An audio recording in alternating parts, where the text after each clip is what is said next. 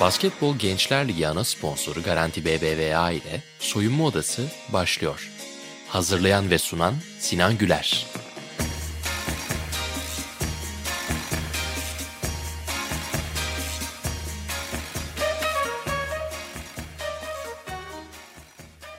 Garanti BBVA Basketbol Gençler Ligi'nin sunduğu Soyunma Odası'na Hoş geldiniz. İkinci sezonumuzda daha önce de bahsettiğim gibi olimpiyatlara hazırlanan sporcularla sohbet etmek ve onların hem bu hazırlık sürecindeki hikayelerini hem de aslında bugüne kadar yaşadıklarını, tecrübelerini ve hayata ve spora bakış açılarını dinlemek için bir araya geliyoruz. Bugünkü konuğumuz da İbrahim Çolak. Kendisi 2019 yılında dünya şampiyonluğunda birinci altın madalyayı kazanarak bizi hem gururlandırdı hem de Türkiye'de daha az konuşulan bir sporun içerisinde dünyada ses getiren bir noktaya geldi. Garanti BBVA'nın desteklediği Basketbol Gençler Ligi'nde bildiğiniz gibi erkekler kategorisinin ilk maçları oynandı. Buraya gelmeden önce bu sene ilk defa gerçekleşen bir yeni oluşumdan bahsetmek isterim. Aslında kız basketboluna yapılan yatırımlar ve oradaki gençlerin öne çıkmasını sağlayacak şekilde BGL artık kız kategorisinde de oynanacak. 2-4 Mart tarihlerinde yine Bolu'da başlayacak olan turnuvanın ve sezonun takımlarını sizinle paylaşmak isterim.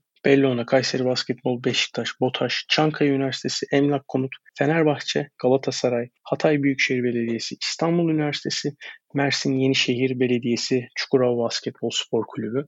Bu takımlara şimdiden başarılar diliyorum. Genç arkadaşlarımıza başarılar diliyorum.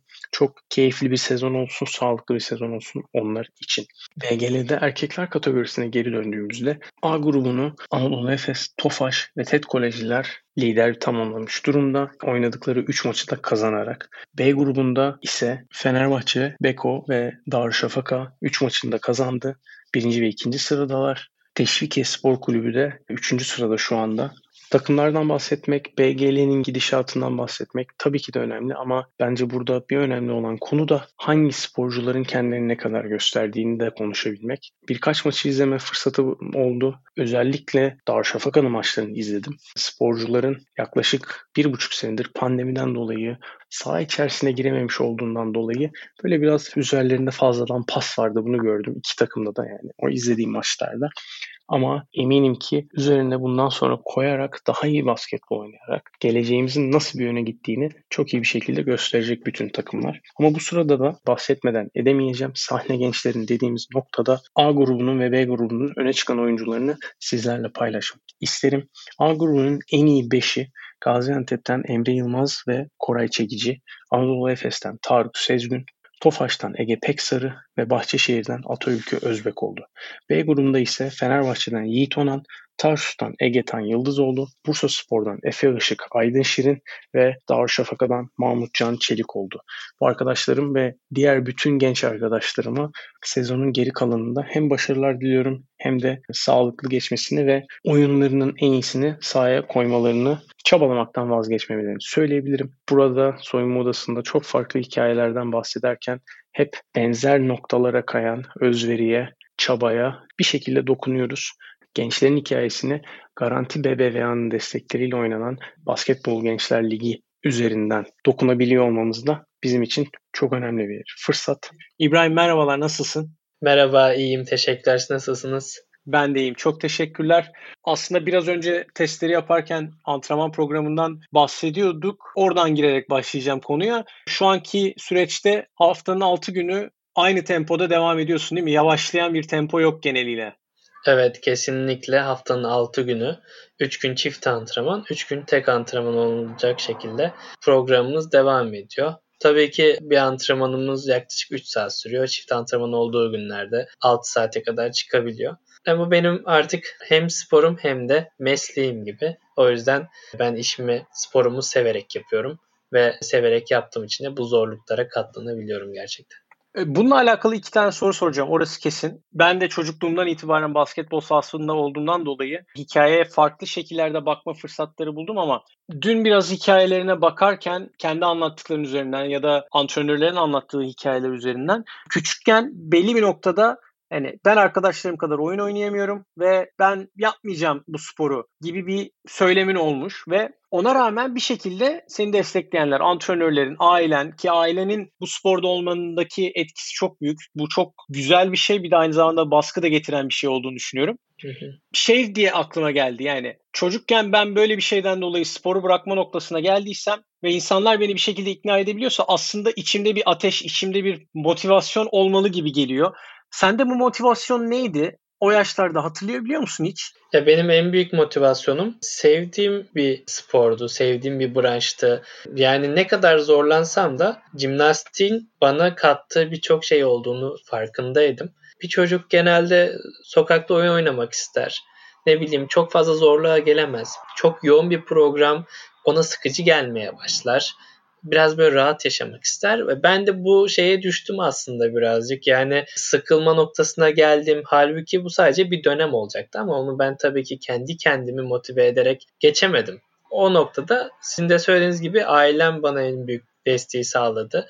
Antrenörleri mümkün olduğu kadar hep yanımda oldular ve o dönemi ben onların sayesinde böyle atlatabildim. Zaten sonrasında yaşım büyüdükçe bazı şeylerin farkına varmaya başladım. Kendime büyük hedefler koymaya başladım ve o hedeflere doğru gittiğim yolda aldığım her madalya bana birer motivasyon oldu. Aldığım her iyi bir derece bana birer motivasyon oldu. Jimnastikte yaptığım yeni hareketler beni heyecanlandırdı. Yani yeniden kastım benim daha önce yapmadığım bir hareketi ilk defa denemiş olmam beni heyecanlandırdı. Bunlar hep beni motive eden ve daha böyle hırsla spora bağlayan etkenlerden bazıları oldu. E bu yüzden de küçük yaşta şunu fark ettim. Küçük yaştayken tek başıma bu zorlukların üstesinden gelemezdim. E, o yüzden aile desteğinin çok önemli olduğunu gerçekten o yaşlarda anlamıyordum da şu anda çok önemli olduğunu farkına vardım. Süper gerçekten. Aslında bir yere tam bağlayacaktım ama farklı yerlere kendin de çektin konuyu. İlk uluslararası katıldığın müsabaka hangisiydi? 2007 yılında milli takıma girdim ilk kez. Katıldığım yarışma Macaristan'da yapılan Petertülit turnuvasıydı.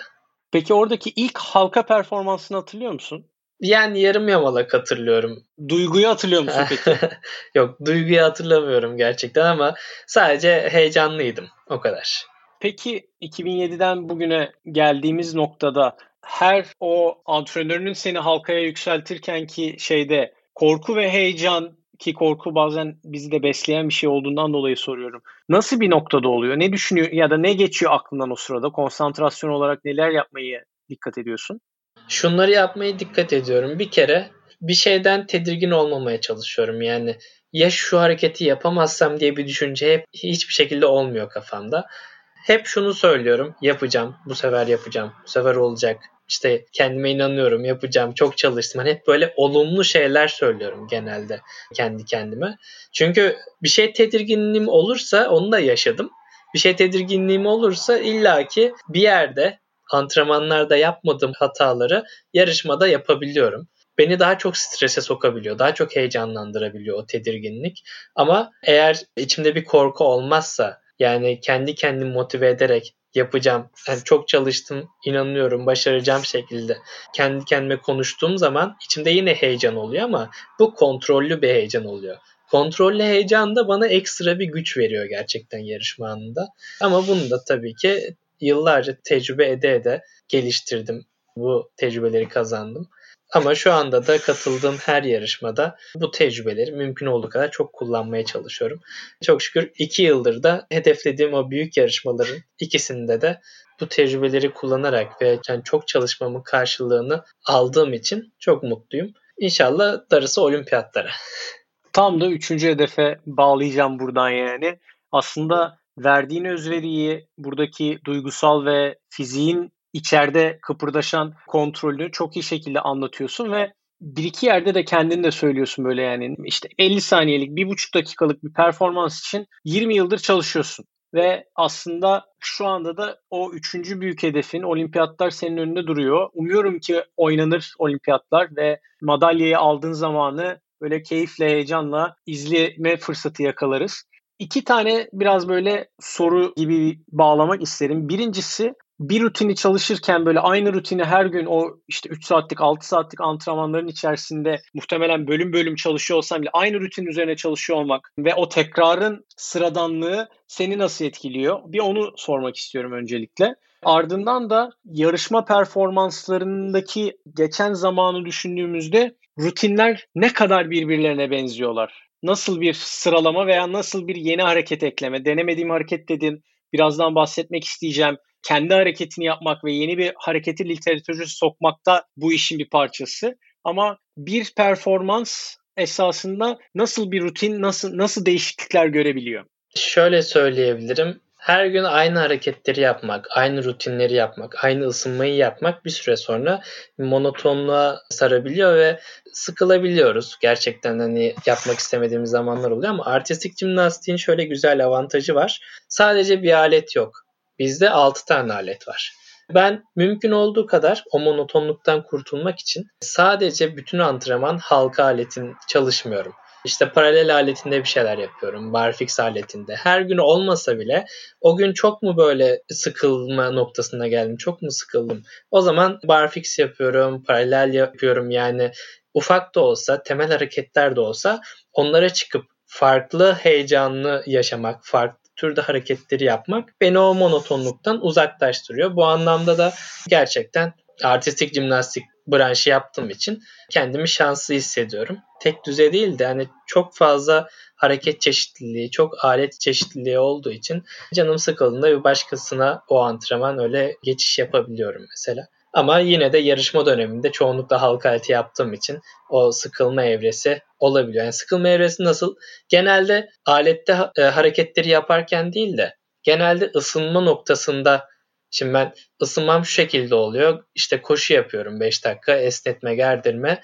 Daha sonra omuz kaslarımı omuzlarımı iyice ısıtabilmek için birkaç tane kuvvet kondisyon hareketi yapıyorum. Omuz esnekliği yapıyorum. Ondan sonra alete geçiyorum. Bu alete geçene kadar ki olan süre bana sıkıcı gelmeye başlayabiliyor. Bazen o kuvvetlerin hepsini yapmıyorum mesela. Çünkü bir an önce alete geçmek istiyorum ya da zor gelebiliyor. Çünkü nereden baksanız yaklaşık bir saat 1 saat 15 dakika falan sürüyor bunları yapabilmem aletten önce. E, o yüzden hani beni daha çok sıkan, monoton hale getiren genelde ısınma oluyor. Bunu ortadan kaldırabilmek için de bazen farklı şekilde ısınmalar da yapabiliyoruz. En azından içeriğini değiştirerek, çeşitlendirerek ısınmalar yapmaya çalışıyoruz. Yani bu da faydalı oluyor gerçekten. E, yarışmalarda yaptığım halka aletindeki rutinler neye göre değişiyor? E bir kere benim yaptığım hareketlere göre yani yapabildiğim en zor hareketleri 10 hareket olmak üzere arka arkaya kurallarına uygun bir şekilde sıralamaya çalışıyoruz. E tabii ki şöyle bir şey var jimnastikte. Yapabileceğin en zor hareket değil ama o hareketi %100'e yakın bir şekilde en iyi şekilde yapabiliyor olman lazım. Yani çok zor bir hareket yapıp çok puan kesintisi vermek anlamsız gerçekten. Ha biz de bunlara uyarak ve benim de yapabildiğim hareketleri belli bir sıraya koyarak, kurallarına uygun koyarak oluşturmaya çalışıyoruz. O rutini oluşturmaya çalışıyoruz. Bu da mesela ne zaman değişiyor? Ben ya benim şu an 2013'te yaptığım, 2012 yılında yaptığım halka aletindeki serimle 2015'ten itibaren yaptığım seri çok farklı. Hem zorluk açısından şu anki yaptığım çok daha zor hem de hareket sırası, hareketlerin yerleri onlar daha farklı. Yani ben mümkün olduğu kadar her yarışma yani şunu yapmak istemiyorum. Her yarışma farklı bir şey deneyeyim değil de bir rutin oturtup onu ne kadar uzun süre yaparsam vücudum o kadar otomatikleşmeye başlıyor. Otomatik hale gelmeye başlıyor o hareketleri yaparken. Ben bunu istiyorum aslında. Çok fazla böyle değişiklik yapmadan bir şey oturtup onu devamlı en az puan kesintisi vererek yapabilmeye çalışıyorum. Şu anda da 2019 Dünya Şampiyonası'na yaptığım seriyi, o rutini 2015 yılından beri yapıyorum mesela. O yüzden vücudum bir şaşkınlığa uğramıyor biraz antrenmanla hemen o eski moduma dönebiliyorum. Çünkü seri içerisindeki hareketlerimin en azından bir tanesinin bile yerini değiştirsem inanın performansıma kötü yönde etkisi olabilir. O yüzden hani kurallar değişene kadar ben bu şekilde devam etmeyi düşünüyorum. Kendi hareketimi bir kere yaptım şu ana kadar yarışmada. O da 2017'de yani onaylanması için yapmam gerekiyordu. Ama onu da normal rutinime ekleyerek devam etmek istiyorum olimpiyatlardan sonra. Eğer onu da eklersem hem yaptığım seri daha zor olacak hem de ne kadar çok kendi hareketimi, çolak hareketini yaparsam daha çok kişi tarafından bilinecek, daha çok kişi tarafından belki yapılmak istenecek bu hareket. E, o yüzden hani böyle bir planım var geleceğe dönük. Yani inşallah çok karışık olmamıştır. Aslında çok güzel bir yere bağladın. Hem çok net anlattın bir sürü şeyi ve sporcu olarak kendimde görebildiğim benzerlikleri görmek de güzel oldu o çalışma temposu ve benzeri şeylerde. Hem de çolak hareketine sözü getirerek merak ettiğim bir süreci sormama fırsat verdin yani literatüre bir hareket sokarak Türkiye'de halka performansında bir ilki gerçekleştirdin. Bununla beraber de bunu devam ettirmek istediğini de biliyorum. Yeni hareketleri literatüre sokmak ve sporun içerisine sokmak. Hareketi rutinine sokma hikayesiyle de neler olacağını çok merakla bekliyorum olimpiyatlar sonrasında ama literatürde böyle isim yaratmış kaç tane hareket var? Ben biraz da bunu merak ettim yani böyle şeyleri düşünüyorum böyle kendim işte basketbolda ya da ne bileyim tenisi izlediğimde insanların neye nasıl tepki vereceğini ve nasıl hareket edeceğini biliyorum ama açıkçası halkada bunun nasıl olduğunu ya da bu hareketlerin ne kadar geniş bir kitapta olduğunu çok bilmiyorum. O yüzden yani kaç tane hareket var bir de bugünden planladığını düşünerekten Çolak 2 ne kadar daha zor bir hareket olacak Çolak 1'den? Şöyle söyleyebilirim. Bizim kural kitapçığımız var. Onun içerisinde hem her alet için kurallar yazıyor, nelere dikkat edilmesi vesaire. Hem de her alette kaç tane hareket varsa onlar zorluk derecelerine göre basitten zora doğru görselleriyle beraber kitapta yer alıyor. Yani nereden baksanız yani yüzlerce, bin, belki binlerce hareket vardır. Bu hareketlerde hani kaç tane olduğunu inan bilmiyorum saymadım. Belki onun için daha sonrasında bir araştırma yapabilirim. Ama yani bence bin tane falan vardır. Binden fazla bile olabilir. Çünkü gerçekten çok hareket var. Bu da bizim için güzel. Herkes her sporcu kendi kapasitesine göre hareketler seçebiliyor. Herkesin karakterine uygun hareketler bulunabiliyor. Bu yüzden güzel bir durum aslında çok hareket olması. The Çolak 2 hareketi de yani öyle planlıyoruz. Hatta geçen yıla kadar e, onun çalışmasını da yapıyorduk. Hareket yeni ve orijinal bir hareket sayılır mı sayılmaz mı bilmiyorum ama zorluğu The Çolak 1'den şu açıdan zor. The Çolak 1'de ben T pozisyonunda hareket yapıyordum. Bu T pozisyonu halka aletinde yapılan kuvvet duruşları arasında en kolay hareket. Ama tabii ayağımı yüzüme kapattığımda bu hareket çok zorlaşıyor. Ama temeli T pozisyonu olduğu için The Çolak 2 hareketi de yatay bir hareket olacak. Yani yatay pozisyonda öne doğru devrilerek yani bir takla atıp tekrar o yatay pozisyonuna gelme gibi bir hareket aslında çolak 2. Bunun zorluğu da hem yatay durabilmek, pozisyonu koruyabilmek T pozisyonuna göre daha zor. Hem de o atarken ki esnada işte yani bir o hareketin bir yerinde kollar bükülebilir. Bu büküldüğü an çok kesinti olabiliyor. Bu kolları bükmeden yapabilmek için de gerçekten çok fazla kuvvet, çok fazla tekrar çalışma yapmamız gerekiyor. Yani bu hareketin zorluğu biraz da o noktada. Ama şöyle söyleyebilirim. Eğer Dıçolak bir de hani altyapı iyi olmazsa mesela ben bu hareketi Dıçolak hareketini bayağıdır hiç çalışmıyorum.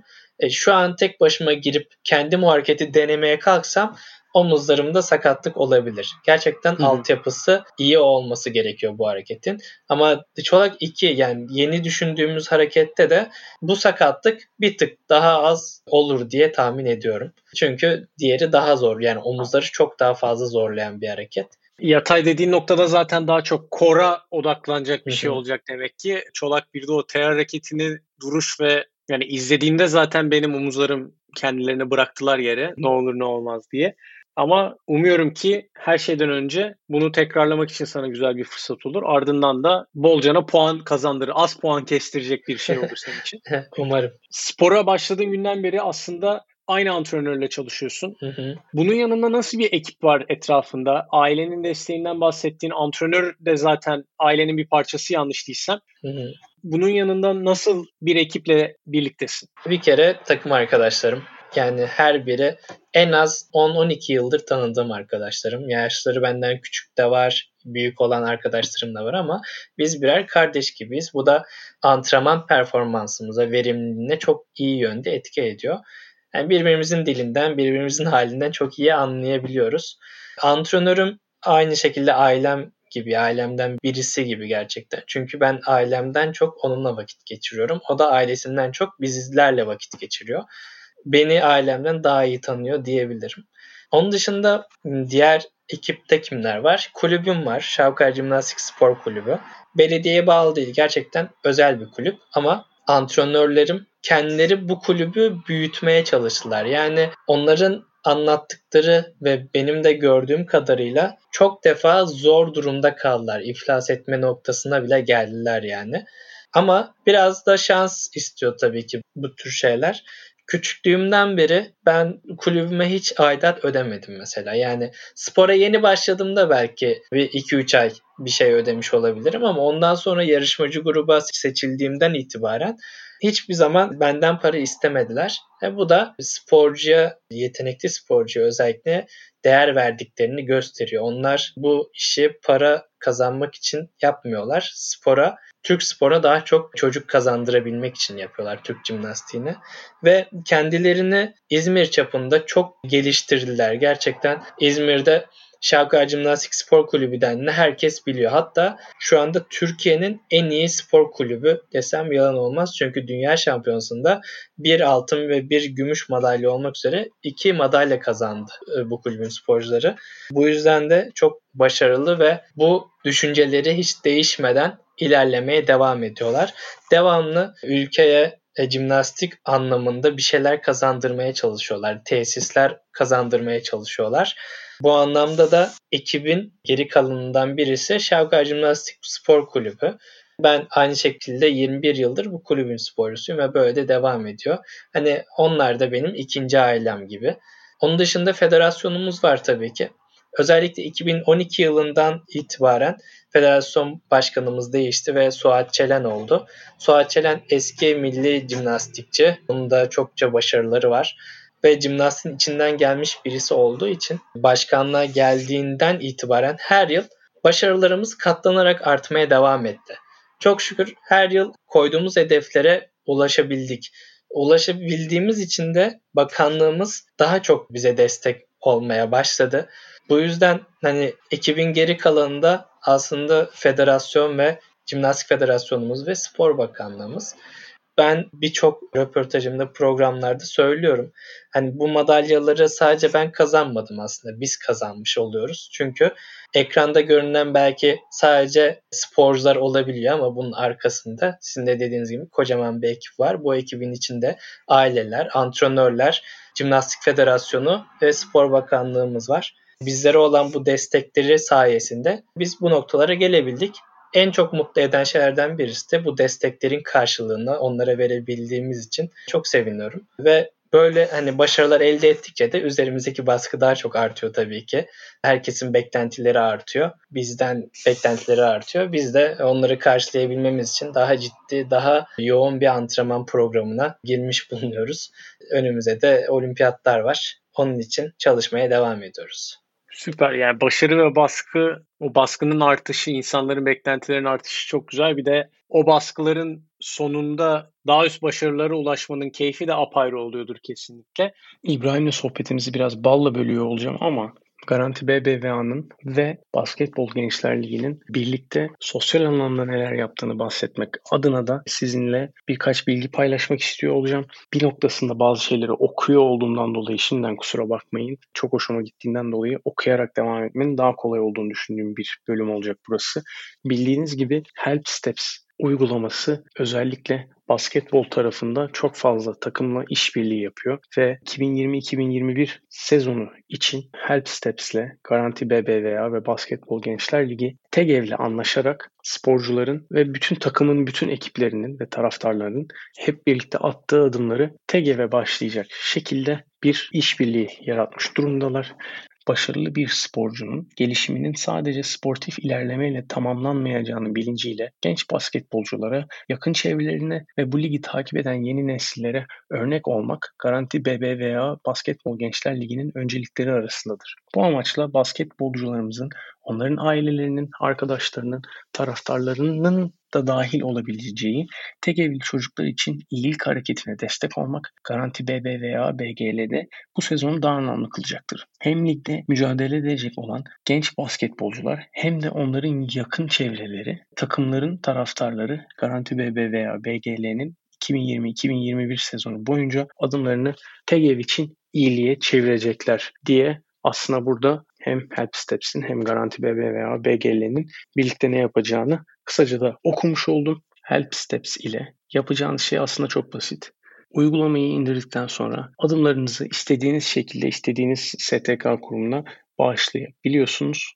Bu yüzden de aslına bakarsanız telefonunuzda olsa ne güzel olur diyeceğimiz uygulamalardan bir tanesi. Şimdi İbrahim'le sohbetimize geri dönüyoruz. Şimdi serinin benim için en böyle heyecanlandıran taraflarından bir tanesi konuştuğumuz sporcuların yani benzer sorulara yaklaşımları nasıl oldu ve biraz böyle hep aynı sorular üzerinden gitmeye çalıştığımız bir ortam var. İlk sorum aslında dinleyicilerle de paylaştığımız bir soruya bağlanıyor.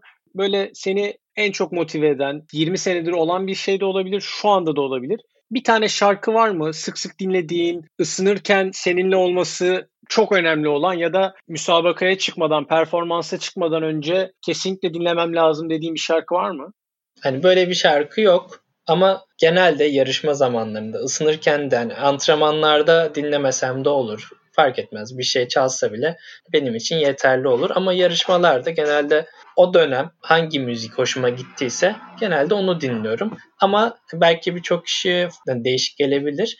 Ben daha çok yarışmaya giderken slow müzik dinlemeyi tercih ediyorum. Çünkü slow müzik beni daha sakinleştiriyor. Yani belki hareketli bir şey dinlesem, gaza getiren bir şarkı dinlesem beni daha çok heyecanlandırabilir. Yani ben öyle düşünüyorum. O yüzden slow müzik daha çok hoşuma gidiyor. Beni sakinleştirdiğini düşünüyorum ve daha sakin bir şekilde yarışabilmek bence daha önemli. Yani dinlediğim tek bir şarkı yok ama tür olarak genelde slow müzik tercih ediyorum ya da bazen rap. Peki şu an böyle listeye eklemek ve dinleyicilerle paylaştığımız listenin bir parçası olması adına aklına gelen bir tane şarkı var mı? Ben telefonumdan bakayım. En son Tabii. indirmişim. Mesela Oğuzhan Koç Beni iyi sanıyorlar akustik versiyonu. Tamamdır. Bir de şey Serhat Durmuş Hislerim. O da hani slow müzik değil ama en son indirdiğim iki şarkı mesela.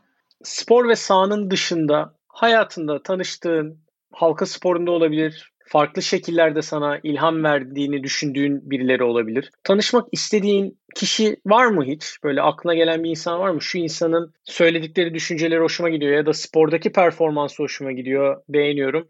Ondan da çok ilham alıyorum. Bununla tanışmak isterim dediğin biri var mı? Yani tanışmak istediğim kişilerden birisi oyuncu, aktör. Kendisinin filmleri beni çok heyecanlandırıyor küçüklüğümden beri. Jackie Chan.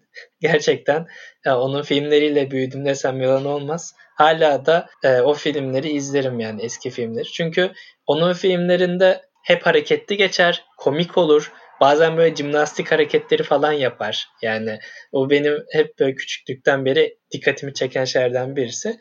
Yani hem hareketli, aksiyonlu hem de komedi tarzında filmleri olduğu için yani o adamla tanışmak onunla konuşabilmek, muhabbet edebilmek isterdim. Yani onun dışında bilmiyorum aklıma direkt o geldi aslında. Daha önce hiç böyle bir soru gelmemişti. Bence süper bir seçenek. Yani en sevdiğim filmin Jackie Chan filmi olduğunda zaten okumuştum ama Hı-hı. acaba sorunun cevabı olur mu tahmin etmemiştim ama gerçekten bir de bir eğlenceli bir adam. Yani sadece aktörlüğü ve filmde yaptıkları değil, hayatın geri kalanında da o eğlenceyi bir şekilde gösteriyor. O yüzden müthiş bir seçim bence. evet ben de öyle düşünüyorum. Teşekkürler. Peki İbrahim son iki sorum. Birbirine de biraz bağlı aslında bu sorular. Birincisi senin için başarının tanımı ne? Bence başarı sadece madalya kazanmak değil, başarı insanın kendini devamlı geliştirebilmesi. Süper materyal başarılardan ve biraz daha böyle materyal olmayan manevi başarılardan bahsetmesi aslında kolay oluyor. İnsan daha başarısını konuşabilmesi çok kolay oluyor gibi geliyor. Başarısızlık senin için nedir? Başarısızlık bence insanın kendine koyduğu hedefe giderken önüne çıkan engeller karşısında pes etmesi. O pes etme zaten pes ettiğin anda kendini başarısız sayabilirsin. Ama tam tersi pes etmeden onu aşmanın bir yolunu bulabilirsen madalya kazan ya da kazanma o adımı attığın için bir şeyleri başarmış oluyorsun zaten. Çok mu karışık oldu? Yok bence çok ben yani en azından net alıyorum ve dinleyicilerin de bunu çok net bir şekilde anlayacağını umuyorum. Kapatmadan bizimle farklı şekilde paylaşmak isteyeceğin, dinleyicilerin bilmesini istediğin ya da dinleyicilerle paylaşmak isteyeceğin bir şey var mı? Yani ben 21 yıllık spor kariyerim boyunca şunu söyleyebilirim. Belki görenler altın madalya kazandıktan sonra özellikle bütün 20 yıllık, 21 yıllık hayatım boyunca hep madalya kazandım ya da hep altın madalya kazandım diye düşünüyor olabilirler ama e, başarıya giden yolda her zaman kazanmak inanın sizi geliştirmiyor. Ben birçok defa kaybettim. Gerçekten yani kıl payıyla madalyayı kaçırdığım zamanlar oldu. Kıl payıyla altın madalyayı kaçırdığım zamanlar oldu. Çok üzüldüm. Çok zaman zaman ağladığım noktalar da olmuştur. Ama bunlardan ders çıkarabildim ve kendime her yarışmadan sonra bir şey kazansam da kazanmasam da kendimi geliştirmenin bir yolunu buldum. Eksik yanlarımı güçlendirmeyi denedim. Sakatlıklar karşısında sakatlığımı yatarak iyileştirmedim. Yine de antrenman programı mümkün olduğu kadar yapmaya gayret gösterdim. Bu çabalarım beni 20 yıl sonra, 19 yıl sonra hedeflerime ulaştırdı. Bunu da izleyenlere, dinleyenlere tavsiye ediyorum. Yaptıkları her işte kendilerine büyük hedefler koysunlar ve o hedefe doğru giden yolda belki klasik olacak ama asla pes etmemelerini tavsiye ediyorum. İbrahim süpersin ve ağzına sağlık her şeyden önce. Seni böyle uzaktan dijital olarak tanımak çok keyifliydi ve hikayeni, devamını çok daha heyecanla ve keyifle izliyor, dinliyor ve takip ediyor olacağım. Çok teşekkür ediyorum. Böylece Garanti BBVA Basketbol Gençler Ligi'nin sunduğu soyunma odasının İbrahim Çolak'la yaptığımız sohbeti tamamlamış oluyoruz. Herkese iyi dinlemeler. Görüşmek üzere.